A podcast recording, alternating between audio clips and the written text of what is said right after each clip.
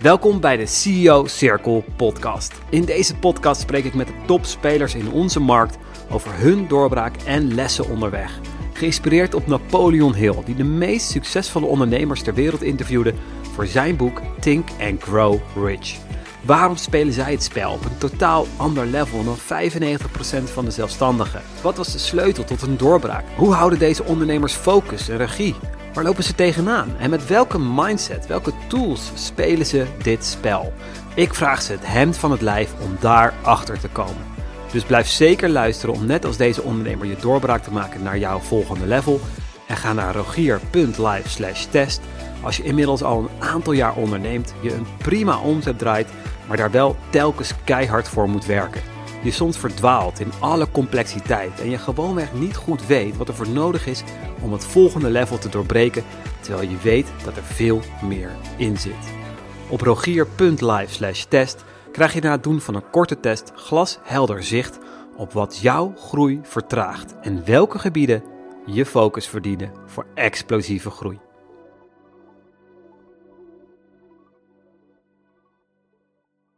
Ik ben hier in Bunnik en ik ben hier bij Aartjan van Erkel. En we hebben elkaar al tien jaar geleden gesproken voor een podcast. We weten eigenlijk allebei niet meer waar het echt over ging. ik dacht dat het iets met een e-mail nieuwsbrief te maken had. Dat was destijds, mocht je niet e-mail nieuwsbrief noemen, maar moest je anders noemen. Ik denk dat het daar ongeveer over ging. Dat zeg ik nog steeds trouwens. Ja, nee, precies. Ja, gelukkig, gelukkig, gelukkig. Dezelfde principes. En, uh, precies, ja. en het ging ook denk ik over, de, mm, over het eh, reptiele brein en uh, de banaan destijds. Had je net je eerste boek uitgegeven. Ja. Maar Arjan is de schrijver van maar liefst drie bestsellers inmiddels. Wauw. Dat is heel knap. En ik heb hem, uh, nou ja, ik heb hem dus uh, vaker ontmoet, maar nog nooit, of nou ja, afgelopen tien jaar eigenlijk nauwelijks. Dus het is ook, we hebben expres niet heel veel details gedeeld van tevoren. Gewoon voordat het voor mij ook eigenlijk een surprise is. Want anders krijg je elke keer zo'n podcast waarbij je, ik iets vraag waarbij ik het antwoord al weet. En nu weet ik ook echt daadwerkelijk het antwoord niet. Is ook voor mij weer makkelijker. Dus ik kan gewoon heel nieuwsgierig zijn naar. Ja, we hebben niet te veel weggegeven in het voorgesprek, hè? Precies. Want anders hoor je van, ja, we hebben het er van tevoren over gehad. Ja, ja, ja. En, dit, en, dit. en nu weet ik gewoon echt helemaal even helemaal niks. Um, Arjan, um, voor degene die echt geen idee heeft wat jij allemaal doet, um, zou je dat kort kunnen toelichten? Waar jij je mee bezighoudt? Lijkt me gek, hè? Maar toch, hè, voor de mensen die onder een steen leven. Ja, in mijn business ben ik bezig met het overtuigen van klanten. Dus het gaat eigenlijk om het, ja, het krijgen van een ja van je klanten. Met name als je een dienstverlener bent. Dus ik heb, uh, ja, ik heb klanten, dat zijn, uh, die hebben een hoveniersbedrijf tot, tot notarissen, en, maar ook veel trainers en coaches. En ja, het gaat erom hoe krijg je je business zo goed mogelijk verkocht? Hoe krijg je jezelf zo goed mogelijk verkocht? En hoe doe je dat op een manier waar je, waar je echt lol in hebt? Dus waar je creativiteit in kwijt kan. Oké. En het is, in welke vorm giet je dat altijd, die samenwerkingen met klanten? Ik heb een bedrijf dat bestaat voor 90% uit online producten. Dus dat zijn online trainingen, dus trainingen die recorded zijn. En uh, memberships, dus uh, waarbij ik een aantal members heb die uh, elke maand een, een, stuk content van mij krijgen. En voor een deel uit één op één. Gaaf. Dus die mix is het. Oké. Okay. Nou, ik wilde nog vragen van, Kees, zou je dit ook kunnen uitleggen aan een vijfjarige? Maar op zich heb je dat eigenlijk al gedaan. Ik heb het geprobeerd. Ja, wij zaten laatst klokhuis te kijken en het ging over ondernemerschap. En nou ja, jij zou daar ook gewoon perfect een, een plekje in kunnen nemen. Dus ik, uh, misschien moeten we ze bellen. Gewoon, ja, dat is een compliment. Om, om, om dat, om dat te doen. Um, alright, ja. En tien jaar geleden, dat was, ja, we kwamen binnen. hey, tien jaar geleden inderdaad. Dat we elkaar ontmoeten. Toen zat je net in de transitie. En kan je daar iets meer over vertellen? Weet je nog welke transitie je destijds zat toen, uh, toen wij elkaar ontmoetten bij, uh, bij onze business coach destijds? Toen zat ik in een transitie van ik ben uurtje factuurtje aan het werken. Ik was specialist en ik wilde, naar, ik wilde mezelf productiseren. Dus ik wilde iets, te hebben, iets hebben wat ik kon verkopen, wat ik vaker dan één keer kon verkopen. Dus nou, je kent het wel, als je uh, uurtjes of dagdelen verkoopt, dan uh, kom je tegen een, een omzetplafond aan. Tenminste, als je lekker draait. En ik draaide mm. lekker. En ik wilde iets hebben dat ik aan duizend klanten kon verkopen in plaats van aan één klant per keer. Zodat ik gewoon meer kon gaan verdienen.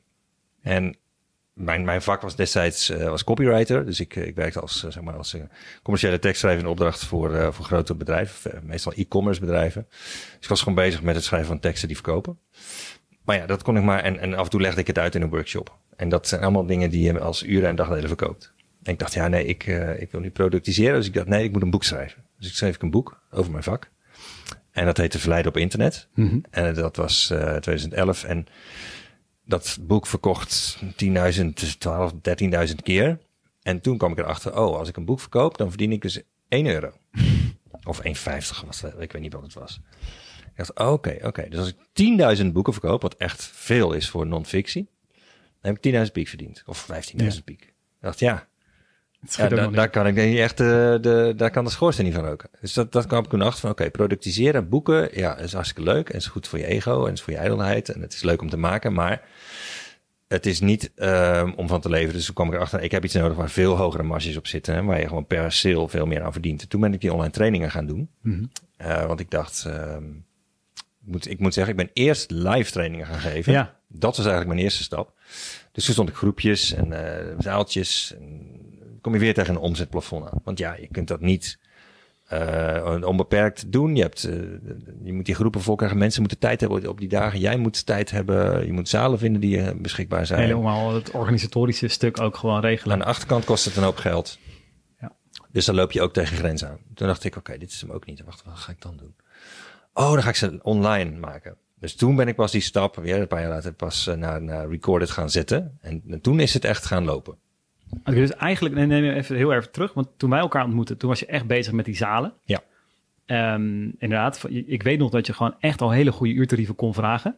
Ik bedoel, ik, wij, destijds Stijn en ik, die schrok, wauw, weet je, dat die facturen die jij kon schrijven en Ja. de partijen waarmee je samenwerkte waren ook niet mis toen destijds. Volgens mij echt wel mooie partijen waar Ja. je dingen voor mocht doen. Dus dat was natuurlijk wel geniaal wel materiaal. in Nederland. Ja, dus dat was wel meteen heel mooi materiaal, ook in je, in je presentaties waarschijnlijk en in je boeken. Of in je boek, hè? Dat, toen waren we nog bij boek 1. Ja. Ehm, maar het was ook wel even een, een worsteling, denk ik, in die pe- beginperiode om die transitie te maken. Hè? Want je hebt de events gegeven en dergelijke. Ehm, nou ja, hoe ging dat, zeg maar, verder?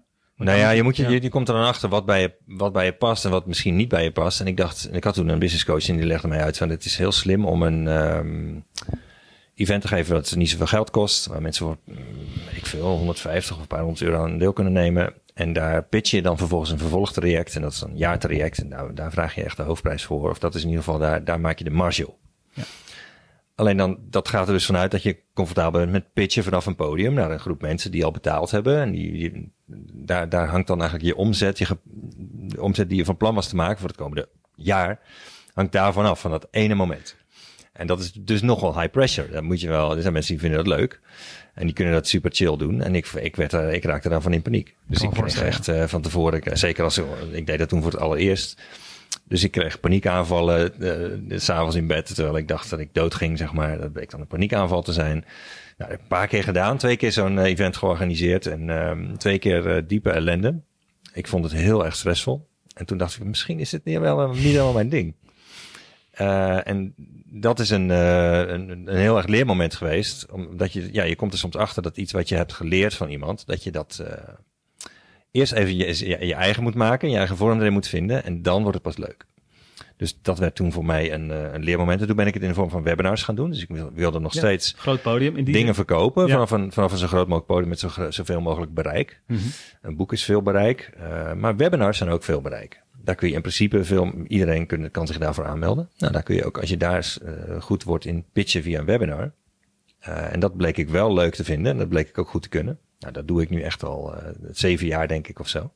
Maar wat, wat was het grote verschil voor jou met die zaal en dat, en dat webinar? Ik bedoel, we kunnen het allemaal De druk. invullen, maar ja. De druk, want die zaal, dat is dan, eh, dat kost, eh, ja, dat kostte me dan, weet ik veel, 20.000 euro om dat helemaal op te zetten en zo, inclusief team en zaalhuur en catering en alles.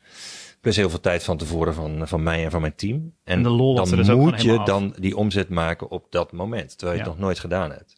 Ja. En ik kan me ook niet voorstellen dat je echt bezig bent met de zaal. In die zin met de kennisoverdracht en wat dan ook. Je bent eigenlijk bezig van shit, om, om, ik om was ook twee uur... een groot deel bezig met mezelf. oh ja, ja. ja, om twee uur moet ik iets doen. Ja. Dus dat kan me ook niet voorstellen dat de zaal dat ook niet voelde of zo. Nee, dat hebben ze ongetwijfeld gevoeld. En eh, dan kun je ook niet de kwaliteit leveren die je, die je wilt. Je kunt er ook niet zo relaxed staan als je wilt. En, en, en dan lever je pas die kwaliteit natuurlijk. Maar kreeg je die reacties ook terug destijds? Eh, nou, het ging wel redelijk, maar ik was er zelf vooral doodongelukkig onder. Ja, ja, ja. Dus je kon het wel goed, redelijk goed nog overbrengen, beschermen, zeg maar. Dat- ja, maar het mensen- lukte, het lukte niet. Hè? Dat Nee. pitchen lukte niet, dus Nee. ik verkocht niks. Nee. Dus dat is twee keer gebeurd. Dus toen was het duidelijk dat het, eh, dat het mijn vorm niet was. Ja, goed zo.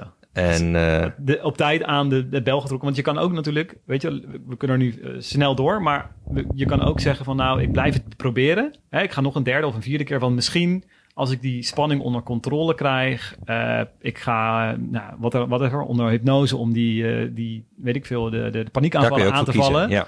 Eh, dat heb je op een gegeven moment gezegd, nee, dit is gewoon niet mijn weg. ja, op een gegeven moment moet je een beetje...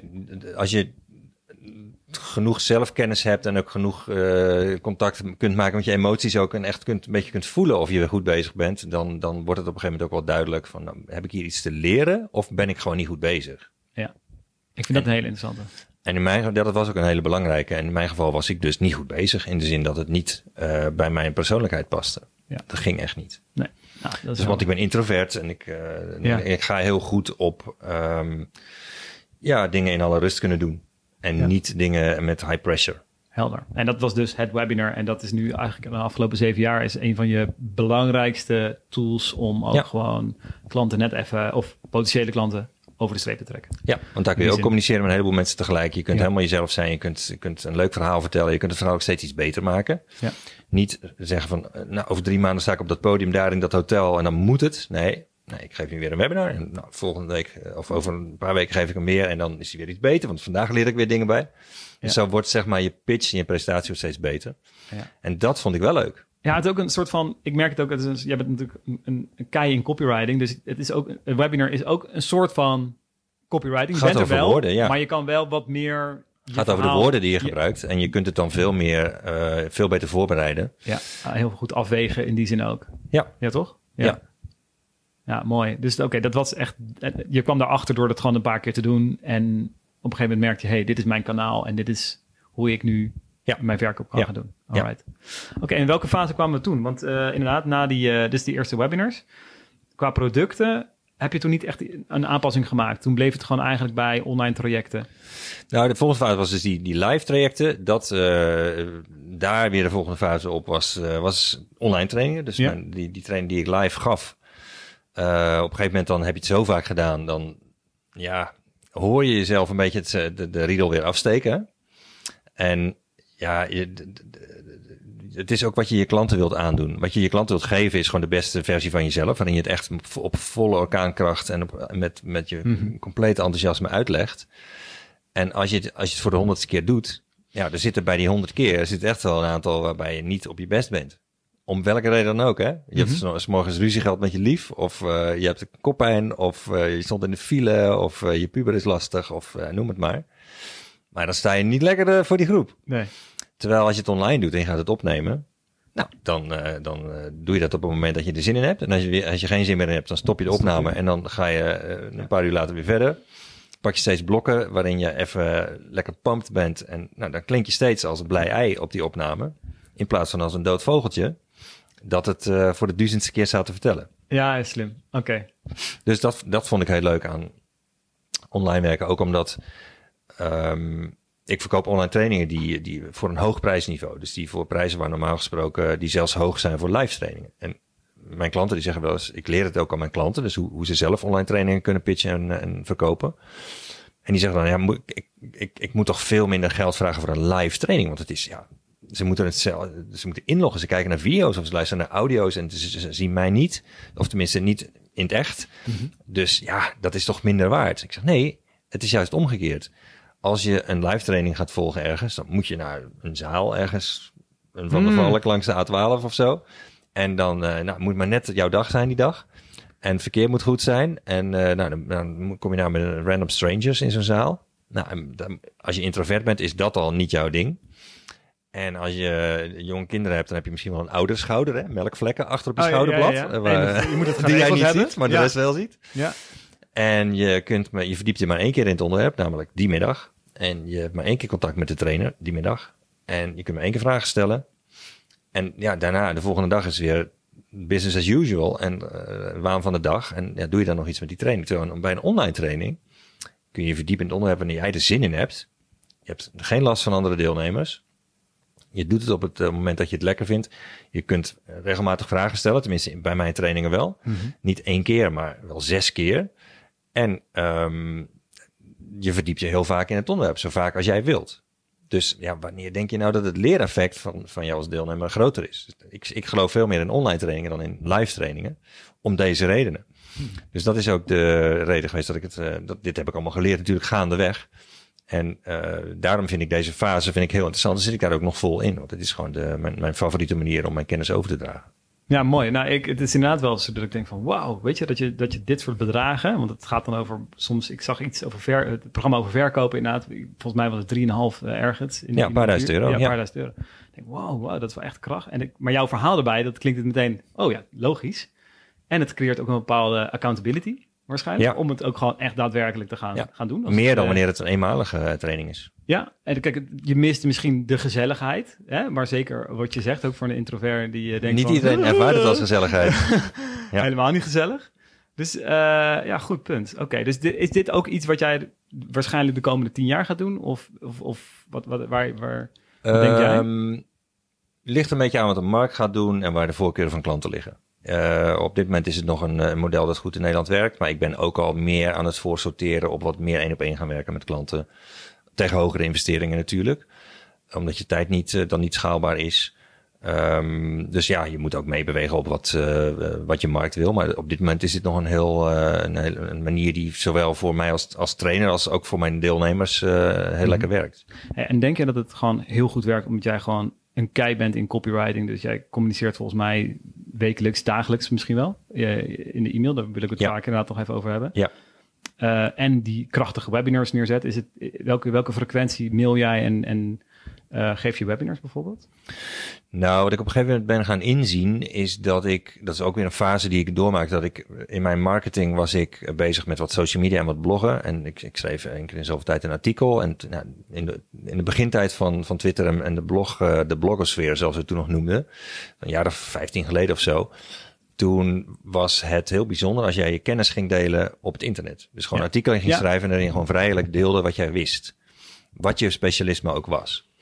En dat mensen vonden dat gek, want die zeiden, tenminste mijn concurrenten, die zeiden van ja, dat doe je toch niet? Dat is toch een kip met de gouden eieren slachten. Dat ga je toch niet gratis op internet zetten? Ik dacht, nou, weet je, ik vind het leuk om toch een beetje te loggen wat ik heb geleerd, mijn eigen learnings gewoon te delen. En dan heb ik zelf ook een soort archiefje.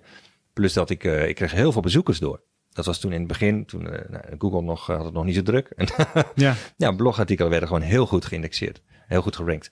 En um, dan krijg je dus dat je uh, ja, eigenlijk aan het, uh, steeds aan het teachen bent. Ik heb toen een jaar of tien of zo heb ik geteacht. Dus altijd maar mijn kennis delen, tips geven. Tien, ja. tien manieren om, uh, zeven blunders van. Fantastische blogs, fantastische mails eigenlijk. Wat je, wat je dus eigenlijk bijna tien jaar lang hebt, hebt gedaan. Ja, ja, dus dan geef je eigenlijk gewoon een half seminar per, per blogartikel of per nieuwsbrief. Later ging ik ze ook als nieuwsbrieven versturen.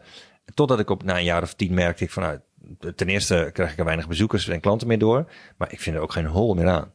Ik dacht Hmm. van, want op een gegeven moment als je altijd maar je kennis aan het delen bent, dan heb je op een gegeven moment alle tips al een keer gegeven. Hè? Dan denk ik van ja, ik kan nou wel dit mee. nog een keer gaan vertellen. Maar kijk, als je aan het teachen bent, ben je heel rationeel bezig. Dat is echt, je ratio is dan aan het praten. En ja, dat is, dat, dat wordt, eigenlijk zijn we niet zo rationeel. We zijn hele emotionele, gevoelige diertjes. En nou, we zijn helemaal niet zo graag met die ratio bezig. We zeggen, we denken wel van wel, maar in het echt is dat niet Je had er ook wel echt even voor nodig om dat soort content te maken, laten we het zo ja. zeggen. Ja, daar deed ik soms een hele middag over om zo een zo'n artikel te schrijven. Ja. En ja, dus het kostte veel tijd. Ik vond er geen hol meer aan. En ik, en ik wist ook niet meer wat ik moest schrijven op een gegeven moment. Dus toen zei iemand tegen me in Amerika, ik ging toen veel naar Amerika. En daar gaf iemand mij de tips, ga veel meer entertainment gebruiken. Stop met teachen. Dus toen maakte ik daarvan stop met teachen en begin met teasen. Mm. Dus toen ben ik in plaats van al die kennis weggeven, ben ik overgestapt op, ik schrijf gewoon leuke stukjes. En, en daar zit altijd een of ander stukje kennis wel in. Maar niet, het is niet meer zo contentrijk dat, dat mensen eigenlijk uh, een heel hele agenda moeten leegvegen ja. en al mijn tips moeten gaan opschrijven. Het was eigenlijk voor mijn klant ook heel veel werk om zo'n mail te krijgen en te lezen. Jezus, ik ben, heel eerlijk ben ik op een gegeven moment, ik dacht, het was ja, zo goed, maar het is elke keer zo goed. Dat je op een gegeven moment, het, wordt, het is een heel, heel boek. Je had daar ook gewoon uh, ja. een paar boeken van kunnen maken. Waarschijnlijk heb je daar ook wel content Klopt, dat heb ik ook gedaan. Maar het is, wat er gebeurt is dat je uh, je klanten eigenlijk ook een to-do-lijst geeft. En je zegt eigenlijk ook tegen klanten, zoals je het nu doet, is eigenlijk niet goed. Doe het maar zoals ik het nu zeg. Dus het is ook een beetje een wijzend uh, vingertje. Ja. Ja, en toen ik dat helemaal doorkreeg, Mooi. en ook zag wat, mijn mailinglijst was helemaal niet zo, zo Hoe lang is het geleden trouwens? meer. Dit is nu vijf jaar geleden dat okay. ik ben geswitcht van, uh, van teachen naar teasen. Mooi. Dus toen gaf ik nog steeds al kennis weg, maar het was vooral persoonlijke verhalen en entertainment gebruiken, stories en, eh, en, en, pers- en, en personality gebruiken om ja, wat meer van mezelf te laten zien en wat ik leuk vind, wat ik interessant vind. Soms ging het helemaal niet over de business, maar toch wel. Dan Ja, had ik toch weer een bruggetje naar de business toe. En toen merkte ik ook dat ik er. Ik, ik, op dat moment was ik, eh, had ik een evergreen eh, eh, e-mail nieuwsbrief. Die verstuurde gewoon automatisch één keer in de week een, een, een oud artikel. En dat dan twee jaar lang. Er waren honderd artikelen, dus elke week één. En daarna twee jaar, dan ging die weer op repeat. ja, ja. ja. Want ik had gewoon geen zin meer om die dingen nog te schrijven. En ik had er nog wel heel veel liggen. Maar ja, dan raak je helemaal out of touch met je eigen mailinglijst, met, je, met, Ja. met de mensen die erop staan. Ik las ook de reacties niet meer en ik, ik voelde me echt helemaal, eh, helemaal verdwaald. Toen ben ik overgestapt op dat, dat teasen. Hmm. En toen merkte ik, ja, dit is eigenlijk zo leuk. Ik kan makkelijk elke dag iets schrijven. Dus dacht ik, nou, dan ga ik dat eens een maand proberen om elke dag iets te schrijven. En dat doe ik nu vijf jaar later nog steeds, omdat ik het nog steeds heel leuk vind om Bijna elke dag. Nee, elke dag. Elke Dus dag? Niet op zaterdag en zondag, maar wel maandag tot en met vrijdag. En dat, ik raad dat niemand aan verder hoor. Ik, ik zeg helemaal niet dat je elke, ma elke dag zou moeten schrijven. Maar het is wel lekker als je zo vaak marketing kan doen als je maar wil. Zonder dat je hoeft te denken, oeh, dit is bezwaarlijk of dit is, vinden ze irritant of eh, moet ik ze nu alweer storen? Ja. Nee, ik ben met entertainment bezig. Ik ben zo leuke dingen aan het sturen. Dus dat stoort niet. Dat vertellen ze me ook. Ik stond een keer op een, als spreker op een podium. Vlak voordat ik eh, de microfoon aanging, zeg maar. Er zat een klant van mij op de eerste rij. En die zei, hey, het is heel leuk dat ik je... Ik ben op de eerste rij gaan zitten. Ik vind het leuk om je in actie te zien. En dan zei hij trouwens, jouw mails, superleuk. Kun je ze niet ook in zaterdag en zondag gaan sturen? Want ik vind het jammer dat je in het weekend geen mail stuurt. Oh my god, heerlijk. En toen stuurde ik dus vijf keer per week een mail. En iemand die wilde dus dat ik zeven keer per week Ja, ja, ja. Dus dat soort, dat soort reacties, ook wel uit reacties op mails, maakte ik op. Van nou, ik stoor ze echt niet. Ze maar het kan dus ook leuk. gewoon heel kort zijn. Het kan ook een paar alinea's zijn. En, eh. Maar gewoon, Of een het quoteje, is, het is of grappig. eh, of, even iets leuks. Ja, Even een korte vraag of een gedachte. Of, maar soms zijn ze ook lang. Vaak zijn ze best lang. wauw, leuk. Dus je hebt eigenlijk de liefde teruggevonden voor... Nou ja, niet eens, het, het is nooit helemaal weg geweest, maar voor het creëren. Maar inderdaad niet zo mega inhoudelijk per se, maar gewoon veel meer verhalend. Terwijl het misschien net zoveel impact kan hebben als zo'n heel artikel met vol met tips of tutorials. Of, Ja, ga je Eh, zelf maar na. Weet je, als je je eigen schoolcarrière. Kijk, de leraren die zijn ook aan het teachen. En wat weet je daar nou nog van? Behalve die ene leraar of lerares die, die, die het verhalend deed. Die het leuk maakte. Ik had zo'n zo'n geschiedenisleraar op de Nassenscholengemeenschap in Breda. Meneer Schals. oh ja, En eh, met zijn baardje. En die, die vertelde over Jeanne d'Arc en over eh, Marie Antoinette. En, en haar hoofd die rolde op het hakblok. En hoe er werd gereageerd door het publiek. En wij, wij hingen aan zijn lippen. En ik heb nog hele schriften volgeschreven met al die verhalen van toen. Dat is een van de weinige docenten die ik me kan herinneren. Omdat hij zo goed eh, met... Ja, hij stopte entertainment in zijn lessen. Hij bracht het gewoon heel erg smeuig. Zodat je het voor je ziet. ja. En dat, ja, als je dat doet in je marketing, dat onthouden ze dus veel beter. Jaren later eh, Ja. weten ze dat nog. Terwijl Ja. als je denkt van ik ben goed bezig door te teachen en ik geef goede tips, dat is meteen één oor in de andere oor uit. En het is ook nog best wel, eh, best wel zware kost. Ja, en voor jou dus op een gegeven moment, nou ja, dit is natuurlijk ook een ding voor hè, de SEO, de zoekmachine. Ja, En dat zal waarschijnlijk ook een reden zijn eh, nou ja, waarom mensen dit ook vaak doen. Waarom ze denken ook van hey, ChatGPT en dergelijke zijn interessant. Dus ook een interessant onderwerp om daar misschien nog heel even kort over te hebben. Ehm, maar hoe scoren deze artikelen qua SEO? Is dat een, nou ja, de tweede is waarschijnlijk niet belangrijk, maar heb je... de zoekmachines reageren helemaal niet zo goed meer op die eh, op, op klassieke blogartikelen, op eh, pure content, klas- traditionele content marketing met veel tips en zo. Dat kan in sommige markten kan het nog steeds hartstikke goed werken hoor. Als, zeker als je daar eh, als, als, als daar nog eh, niet veel gedaan wordt. Maar ja, er zijn best wel veel markten waarin eh, heel veel mensen, heel veel ondernemers nu eh, dat soort eh, content eh, uitsturen. of op hun site zetten. Dus dan, ja, dan heb je er in de SEO en je, in de rankings in Google ook niet zoveel meer aan. Nee. Eh, dus toen heb ik de keuze gemaakt van nou, we gaan het, eh, dat laat ik los. En ik ben gewoon echt bezig om, eh, om het zo goed mogelijk te laten converteren. Ik ben bezig met, vooral met e-mail marketing trouwens.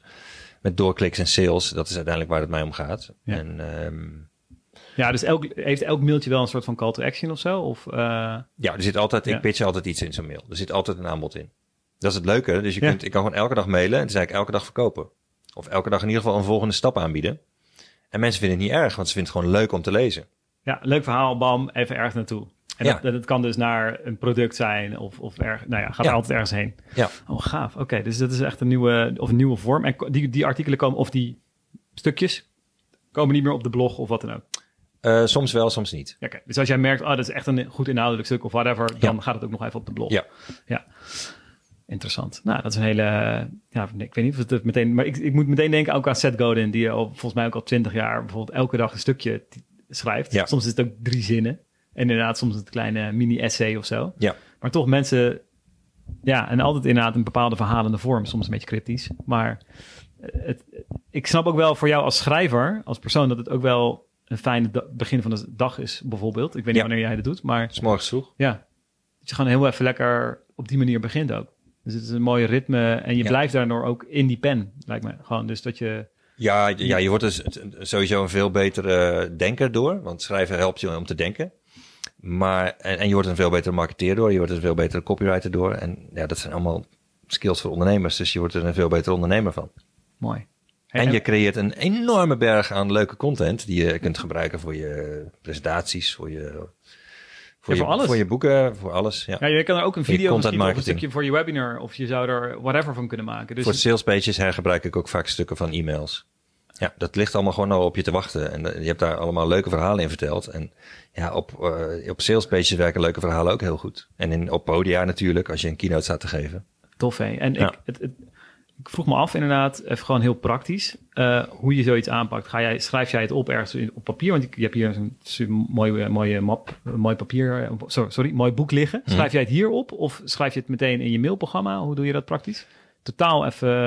Ja, het is een beetje net zoals eh, columnisten, hè, die eh, bijvoorbeeld Carmichels van vroeger of Martin Bril of zo, of Sylvia Witteman, die hebben vaak gewoon, die hebben altijd een antennetje uitstaan. Want die weten van ja, ik moet gewoon, zeker als ze elke dag schrijven, zoals Carmichelt en Bril, hè, die moesten gewoon elke dag een stukje voor de Volkskrant en Kampert. Die hadden gewoon altijd een antenne uitstaan van ja, observaties, eh, meningen, eh, uitspraken van iemand in het voorbijgaan. En dan schreven ze gauw op. Want ze wisten, morgen moet ik weer een stukje hebben voor de krant Ja. voor pagina Volkskrant. En dat is bij mij ook zo. Dus ik heb een ehm, eh, antenne waardoor ik, eh, ja, altijd als ik iets meemaak, zeker als het iets is waar je een bepaalde emotie bij voelt. Mhm. Kan zijn dat je het leuk vindt. Kan ook zijn dat je het kut vindt. Of eh, dat je ergens van geschrikt. Of je zorgen ergens over maakt. Of naar uitkijkt. Altijd als er een of andere emotie bij komt kijken. Dan weet je van nou, dit is iets wat ik misschien wel eens zou kunnen gebruiken. Dus ik maak heel veel even kleine aantekeningetjes gewoon op mijn telefoon in een speciaal Mapje zo. Evernote eh, documentje. En dan, ja, dan, morgens kijk ik er even in. Van, nou, wat had ik ook weer voor ideetjes klaarstaan. En dan heb je zo'n mail zo geschreven. Ja, en dan begin je, dan gooi je het meteen in je mailsysteem en dan voep, Ja. wordt het, eh, wordt Ja. het verstuurd. Oké, tof. Ja, ik, ik, maar is, dat, dat is wel grappig. Je, je, ik heb ook het gevoel dat je gewoon een soort van journalist bent eigenlijk. Arjan, of, wat, wat zou jij te zeggen? Ben, jij, ben je nou ondernemer of ben je trainer? Of, of ja, ik noem, ik mezelf ook wel eens een entertainer. Dus ik vind het leuk om eh, mensen iets te leren. Dat is mijn, dat verkoop ik. Mhm. Eh, maar ja, het- ook dat, dus het leveren van de content voor je trainingen, Ja. ja. daar kun je ook wel heel erg gaan teachen en het ontzettend inhoudelijk maken. Maar dat is voor jouzelf en voor je klanten ook eh, nogal, nogal pittig. Hè? Dat Ja. is nogal een, ja, dat is nogal een, eh, een pil om dan eh, te moeten doorslikken. Dus ik vind het in trainingen en in content ook veel leuker om daar heel veel verhalen in te vertellen, het heel persoonlijk te maken en eh, ja, te zorgen dat ze het gewoon leuk hebben. En dan heb ik het zelf ook leuk. Oké, dus, dus, maar als, als ik inderdaad aan jou vraag van wat, wat, wat, voel- hoe voel jij je? Voelt je een entertainer. Dus gewoon juist ook dat schrijven, dat hoort gewoon ook echt bij jou. Want ik, ik, ik vind het inderdaad heel mooi dat je gewoon eigenlijk je dag begint misschien wel als een journalist en altijd die, eh, die, die de antenne uit Potlood heeft. achter je oor. Ja. Ja, hè? dus dan zie ik je bijna ook dan voor je. Want, eh, want heb je zoiets van... ehm, ik weet niet hoe jouw team er verder uitziet. Dat vind ik ook wel interessant. Of, of kan jij dit eigenlijk gewoon in je eentje af? Want eigenlijk, als ik, als ik jou zo hoor, dan heb je best wel... Is best wel minimalistisch of zo, hè? Want op LinkedIn bijvoorbeeld eh, volgde ik je, volg ik je in de laatste tijd. Ook niet heel veel per se dat je aan het eh, doet. Want jouw mailinglijst is gewoon de kern van de, van de business eigenlijk. Ja. Ook van de kern van, de, van het bedrijf. De meeste marketinginspanning gaan zitten in eh, e-mails en boeken. Mhm. Ehm, dat is zeg maar echt mijn kunstvorm. Daar, daar kan ik echt mijn ei in kwijt. En eh, ik hergebruik ook wel dingen. Maar er zit ook, eh, er gaat ook heel veel tijd zitten, ook qua, qua back-office, zeg maar. Gewoon qua ehm, het, verzorgen van eh, mijn klanten en het zorgen dat ze het goed hebben. En eh, dat is aan niks ontbreekt. Daarvoor heb ik echt wel een team van een aantal VA's die, die dat werk van mij overnemen. Ehm, eh, want ja, als je, kijk, ik- mail elke, ik mail, ik geloof, ik mail meer dan een miljoen e-mails per jaar. En ik heb vijf verschillende online trainingen en, en een membership en een paar verschillende vormen van één op één. Nou, er is aan de achterkant best wel veel klantcontact hoor. Dus uh, daar moet echt wel het een en ander gebeuren. Dat is niet zo minimalistisch. Dat lijkt misschien Oh, zo, maar Misschien zoals wij die minimalistisch training ook, eh, ver- zoals, zoals wij die training ook geven, het is vaak bij online trainingen zo, of niet online trainingen die je verkoopt voor 100 euro of zo. Ja, dan koop je, paar betaal je dat en dan Ja. krijg je een wachtwoord. Dat is de transactie. Bij ons is het, je betaalt, je krijgt het wachtwoord en vervolgens word je ook uitgenodigd voor sessies. Je kunt mij persoonlijk vragen stellen in groepsessies, live. Eh, daar moet over gecommuniceerd worden. Die worden weer opgenomen, die worden weer op ledensite gezet. Eh, nou ja, er zijn allerlei, eh, we zorgen ervoor dat we de- onze deelnemers activeren. Ja. Daar, vandaar ook die hoge investering in training. Want ja, we willen echt een, eh een leereffect hebben. Ja. Ja. Dus het, is, het is meer dan alleen een wachtwoord kopen, zoals bij Ja, veel online trainingen. Heel erg. Ja, dat is de associatie die. Dat, is dat ook iets wat jij, waar je zoiets tegen hebt? Van ja, daar moet ik ook een beetje tegen, tegen vechten of over communiceren. Ik weet niet of je dat vaker doet. Want net vertelde je daar iets over, over die kracht van een, ja, jouw vorm van online trainingen. Eh, maar zoals ik hem inderdaad zie, dan krijg ik best wel toch een ja, negatief beeld over eh, de online training. En dan word je ook vaak een beetje negatief weggezet. Zo van inderdaad, je koopt een wachtwoord.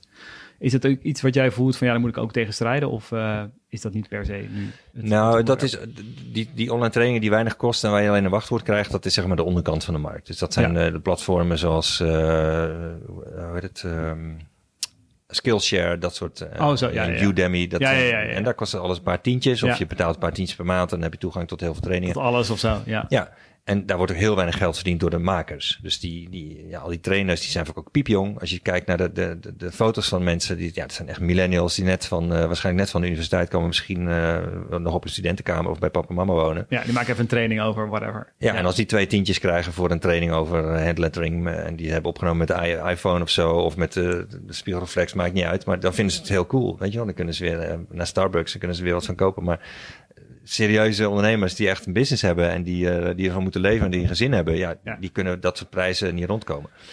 Eh, dus vandaar dat ik, ik heb er veel meer gericht op, eh, met, qua online trainingen met, op, de, op de bovenkant van de markt, waar, ja, waar gewoon ondernemers zitten die, die kunnen investeren en waarbij ja, de betere klant uit de markt aanspreekt en ze ook een beter product geeft.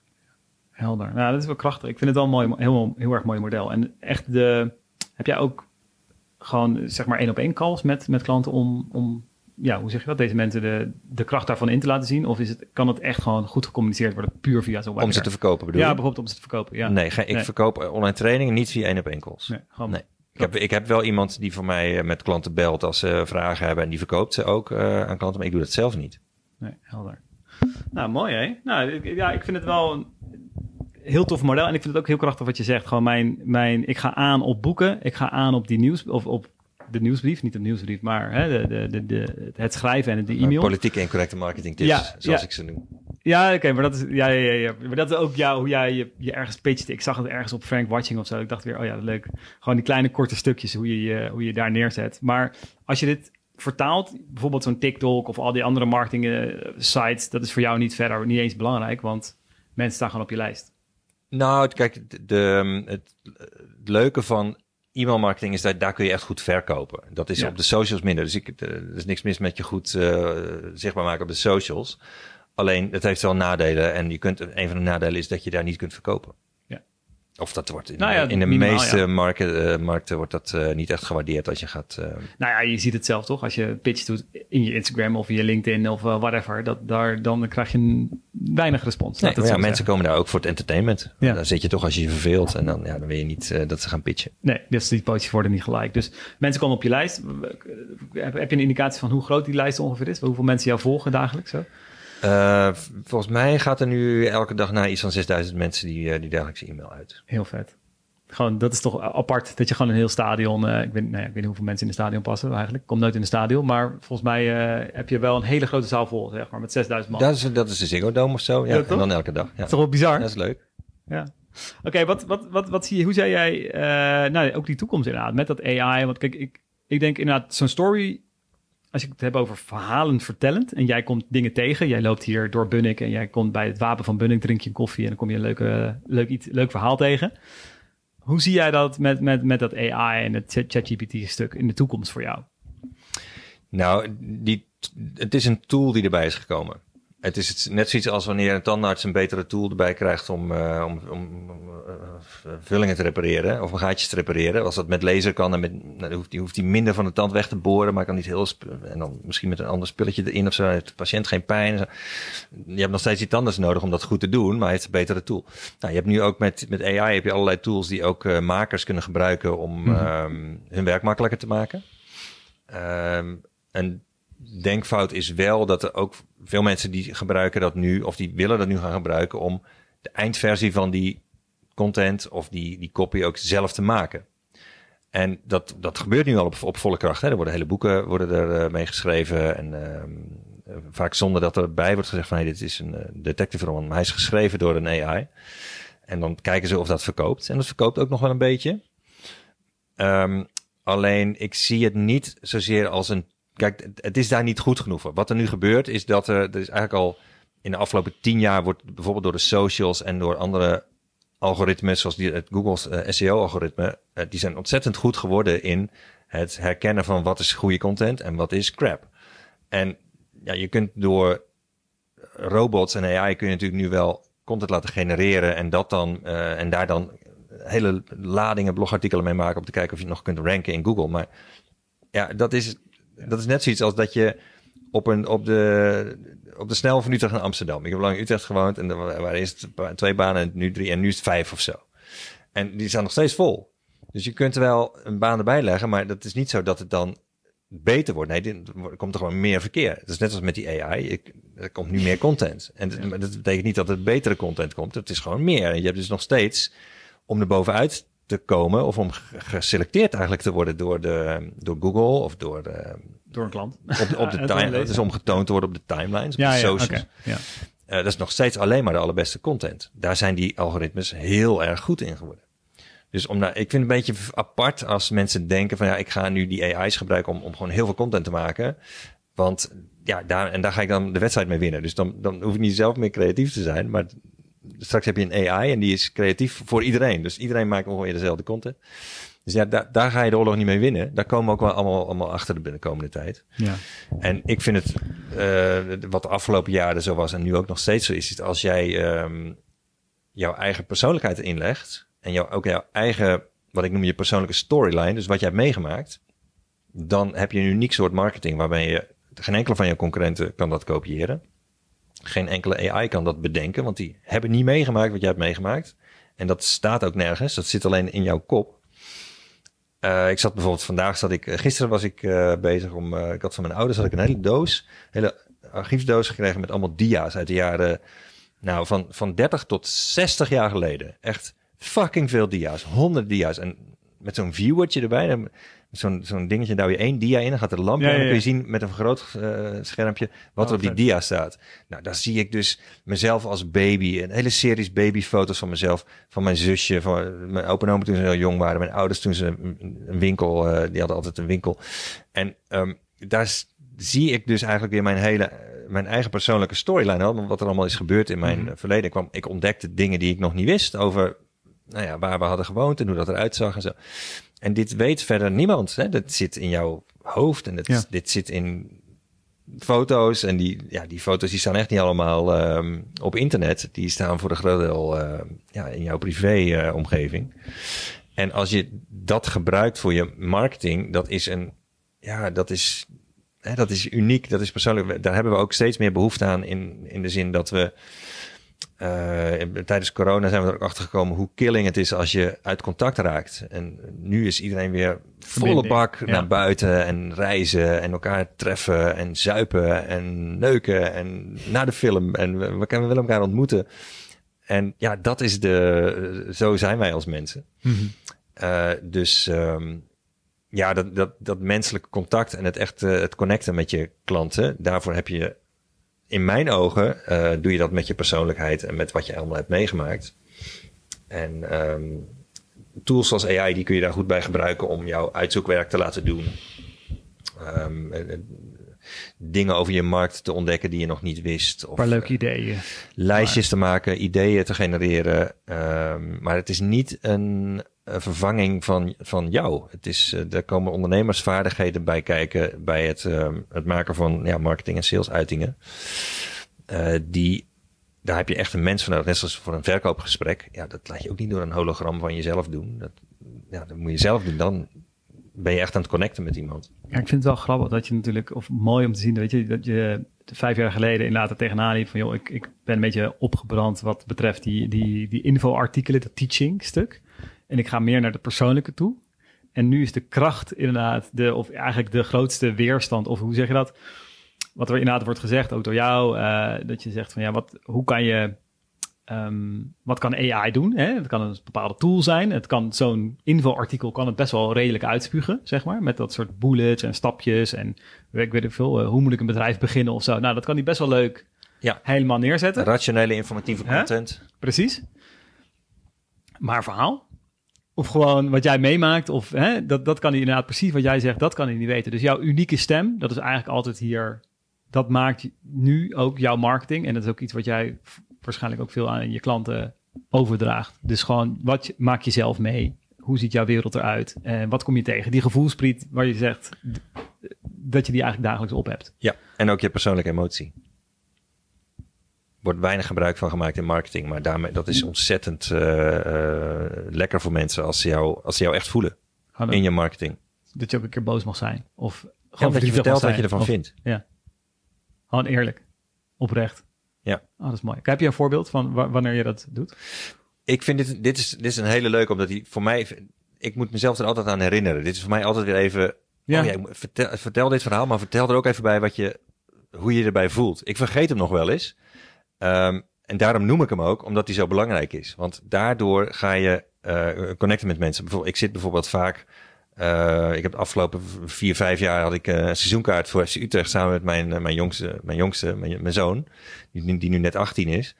En dat is voor mij natuurlijk als vader, is dat, ja, elke keer is dat de goud. Hè? Dan, gaan we, dan heb je 17 thuiswedstrijden waar je naartoe gaat. Dan heb je 17 vader-zoon momenten in een jaar. Ja, dat is fantastisch, joh.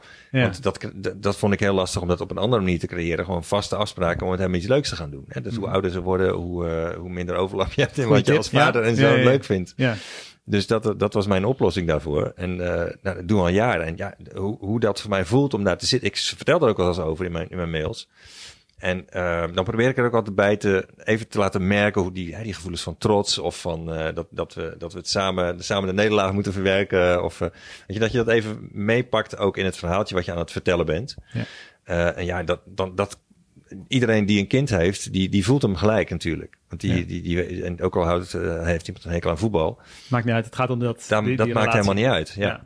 ja mooi. Dus, maar dat kan ook met een ontwikkeling zijn als een AI of wat dan ook. Of, of dat je of een bepaald krantartikel of een politiek statement of, of daar misschien blijf je waarschijnlijk van weg, maar dat weet ik niet zeker. Maar zou dat daar ook die emotie kunnen zijn? Dat je, dat je daar dingen over communiceert? Ja, vind er gewoon iets van. Ja, ja gewoon de, de mening, uh, je mening ook daarin. Ja, je mening, maar je gevoel ook. Ja. ja, je hoeft dus niet meteen te zeggen van uh, Rutte is een klootzak, maar of wat dan ook. Maar wat, wat, wat voel je, wat, wat doet het met je? Ja, ja wat doet het met jou dat Rutte een klootzak is? Nee. ik weet niet of uh, het, vind ik helemaal niet per se hoor, maar het is meer ja.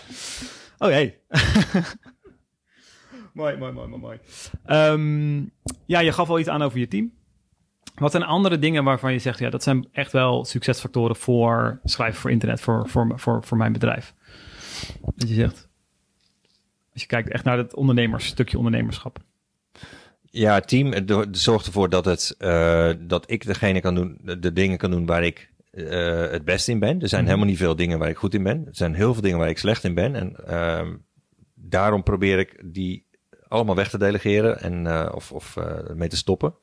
En de rest doet mijn team. Dus dat is, dat is ik heb iemand mijn hoofd te breien. Dat is degene die ehm, uh, het, mijn team leidt, mijn team van VA's en zelf de, um, uh, mijn aanspreekpunt is, ja, die is compleet anders dan ik. En die is heel gestructureerd en ik ben heel chaotisch. En, zij, en zij is heel erg van follow-through. En ik ben heel erg van de quick start, dus van nieuwe ideeën opstarten. Mm -hmm. Nou, wij vullen elkaar perfect aan en uh, daardoor kan ik deze business op deze manier houden.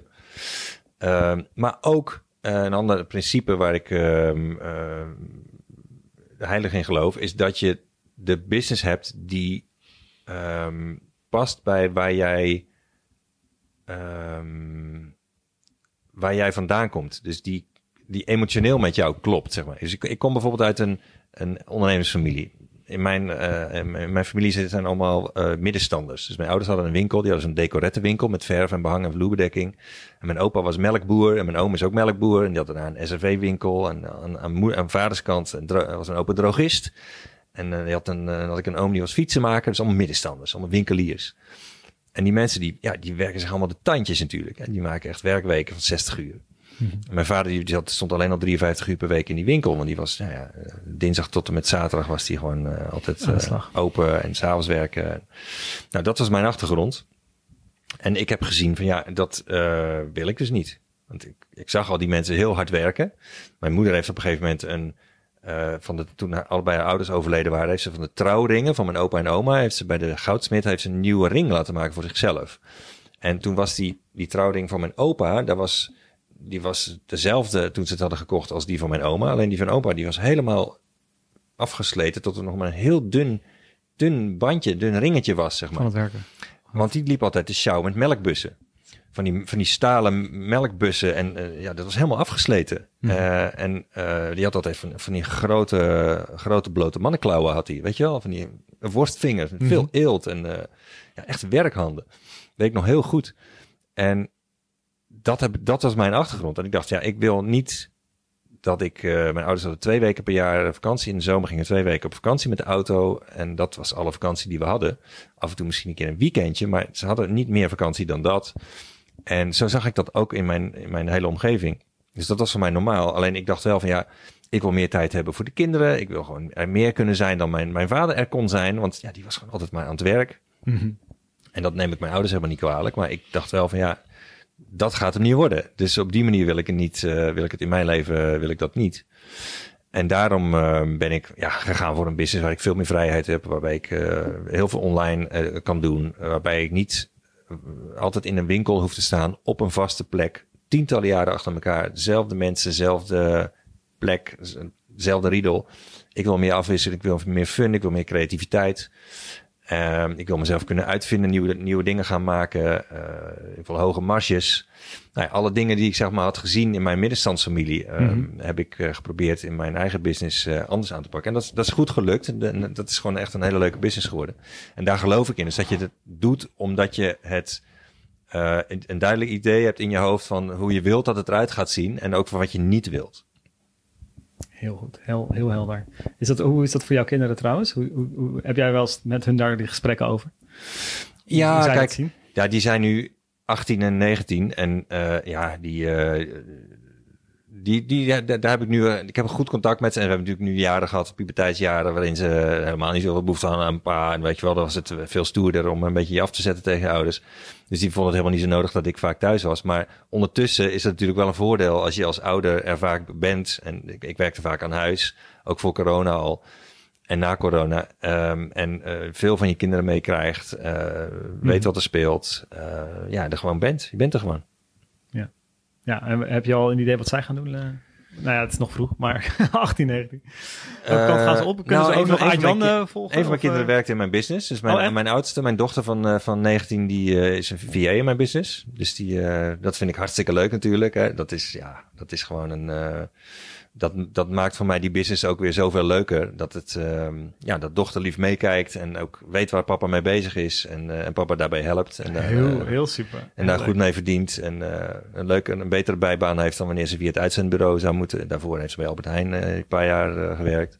Nou, nu kan ze veel beter verdienen bij papa en goed, goed werk leveren. En ook veel leren daar. En veel leren van ook van samenwerken in een team. En uh, ja, wat is een internetbusiness? niet de eerste die haar aanstuurt. Nee, nee, ik, wil, ik ben niet haar. Uh, nee, mijn hoofdgeitenbreier die, uh, die geeft haar leiding. Want ik wil uh, gewoon een vader-dochter relatie met haar hebben. En niet uh, ook nog eens een keer opdrachtgever opdracht Dat lijkt me heel moeilijk. Van nee, ja, schat, dit is echt uh, shit. is al ingewikkeld ja, genoeg. Ja, ja, ja, ja, ja. Oh, mooi hè? Nou, dat is toch wel echt, echt grappig. En je zoon, die, geen idee nog. Of... Nou, nou die, die werkt nog niet echt in de business, maar uh, ja, wie weet. Wie weet.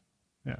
Dat zou leuk zijn. Ja, ik moest vroeger, moest ik van mijn ouders, moest ik, ja, dit, moest ik vakken vullen in de decorator. Dus flessen terpentine aanvullen en, en, en potten met dekwit en zo en latex.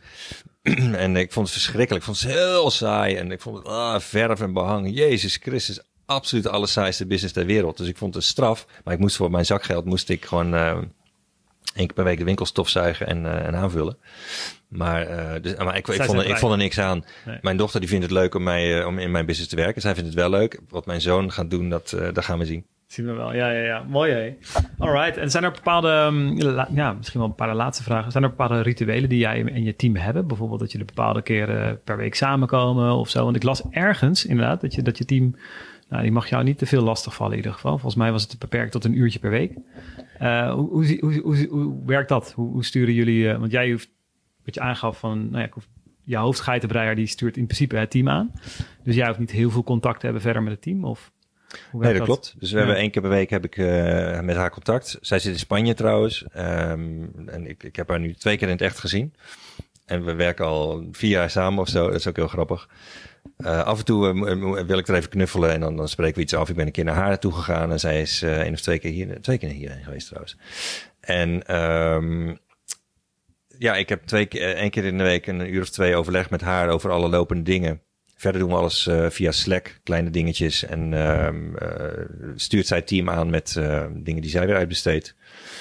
want ik heb gewoon mijn, mijn, mijn. Het moet niet te complex worden bij mij. Als, het, als de business te complex wordt, dan, ja, dan sla ik vast. Dan kan ik niet meer creëren, dan kan ik niet meer denken, dan kan ik niks meer. Nee, snap ik. Dus vandaar dat zij die, die rol heeft, dat zij alles overziet en zij alles delegeert. En um, ik moet de beslissingen nemen. En daar hebben we dan één keer in de week een, een overleg van een paar uur over. En that's it. En that's it, ja. Simpel. Toch? Op die manier is het voor mij in ieder geval simpel, ja. ja. Wat zijn jouw um, inderdaad grote plannen, of grote plannen? Wat zijn jouw plannen? Het hoeft niet eens groot te zijn. Wat zijn jouw plannen voor de, de komende, laten we zeggen, nou, zeker laten we binnenkort, of in ieder geval deze komende tien jaar nog een keer afspreken. Misschien in ieder geval over tien jaar. Ja. Maar dan kunnen we weer verder kijken. Waar, uh, waar ga jij de komende jaren heen? Wat is jouw... Uh, nou, over een jaar of tien ben ik wel gestopt. We moeten wel iets eerder, uh, iets eerder afspreken. Oké. Okay. Maar uh, ja, ik vind het leuk om... Onder, wat, ik, wat ik nu doe, vind ik leuk. Dus het is uh, de, de, ondernemers helpen om... Wat ik altijd het leukste vind, is dat ik de code ergens van kraak. Bijvoorbeeld, ik heb de code gekraakt van hoe kom je met je, met je zakelijke boek op nummer 1 bij Managementboek. Oh ja. Dus hoe verkoop je extreem veel boeken? Ja. Daar heb ik de code van gekraakt. Zonder dat je ze zelf gaat kopen. Hè. Iedereen kan zelf boeken inkopen. Dat, dat bedoel ik niet. Um, daar heb ik de code van gekraakt. Heb ik ook een online training van gemaakt. Ik heb de code gekraakt doordat ik lang bij al die e-commerce bedrijven en die grote uh, Nederlandse aanmerken op de website, voor de website aan het schrijven was, heb ik de code gekraakt van wat moet je nou op je website zetten om veel meer leads en klanten binnen te halen. Dus gewoon om eigenlijk het heel makkelijk te maken om veel klanten, veel sales. Uh, hoe, hoe, maak je verkoopgesprekken heel makkelijk en heel chill, heel relaxed om te doen. Hartstikke mm. leuk om te connecten met je klanten. Daar heb ik een training over gemaakt. Dus iedere keer. E-mail misschien? E-mail natuurlijk, ja. ja. Dus iedere keer als ik iets ergens de, de, de code van kraak, dan vind ik het leuk om dat te gaan teachen aan mijn klanten. Op, mm. Ook weer op een entertainende manier.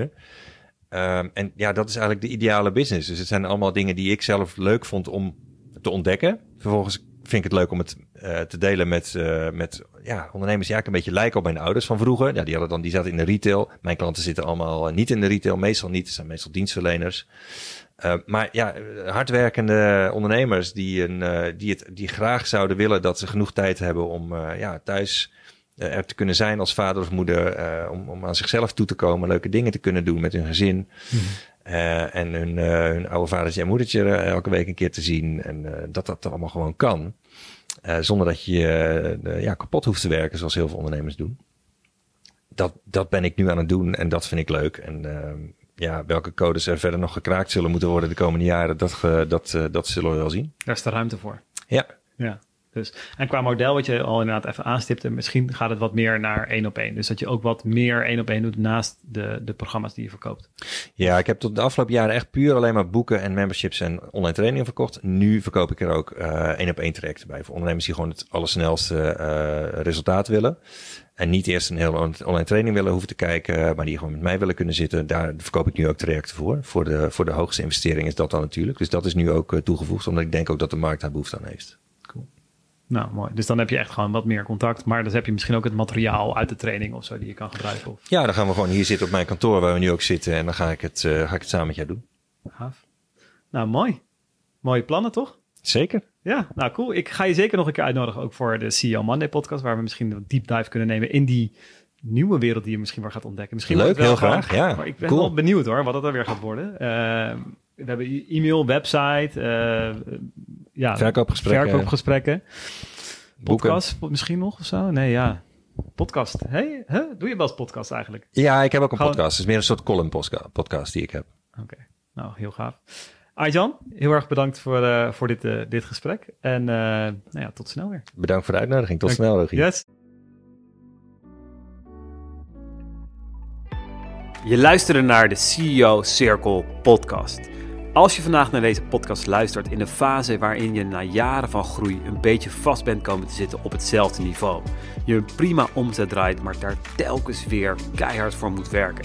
Je soms verdwaalt in alle complexiteit en je gewoonweg niet goed weet wat er voor nodig is om het volgende level te doorbreken, terwijl je weet dat er veel meer in zit. Wil ik je uitnodigen voor de vrijblijvende CEO Scan. Ga naar ceoscan.nl en boek de 1 op 1 scan in. Maak samen met mij je persoonlijke CEO roadmap voor het afrekenen met chaos, ad hoc ondernemen en het kleinspelen. Ga hier zelf of samen mee aan de slag om de volgende doorbraak te maken naar die professionele kennisonderneming met mega impact op jouw doelgroep. Tot snel. Oh, en voor ik het vergeet te vragen, zou je een korte review achter kunnen laten over de podcast? Die zou me hier ontzettend mee helpen. Als je luistert via de Apple-app, kan dat door op de naam van de show te klikken, CEO Circle, en helemaal naar beneden te swipen. Bij beoordelingen en recensies klik je op Schrijf recensie. Luister je via Spotify? Ga dan naar de podcast zelf, waar je alle afleveringen ziet staan. Klik op de drie puntjes rechtsbovenin en klik op Show beoordelen. Alvast ontzettend bedankt en natuurlijk vergeet ik je geen high five te geven op jouw missie, focus, overzicht en de juiste uitrusting naar boven.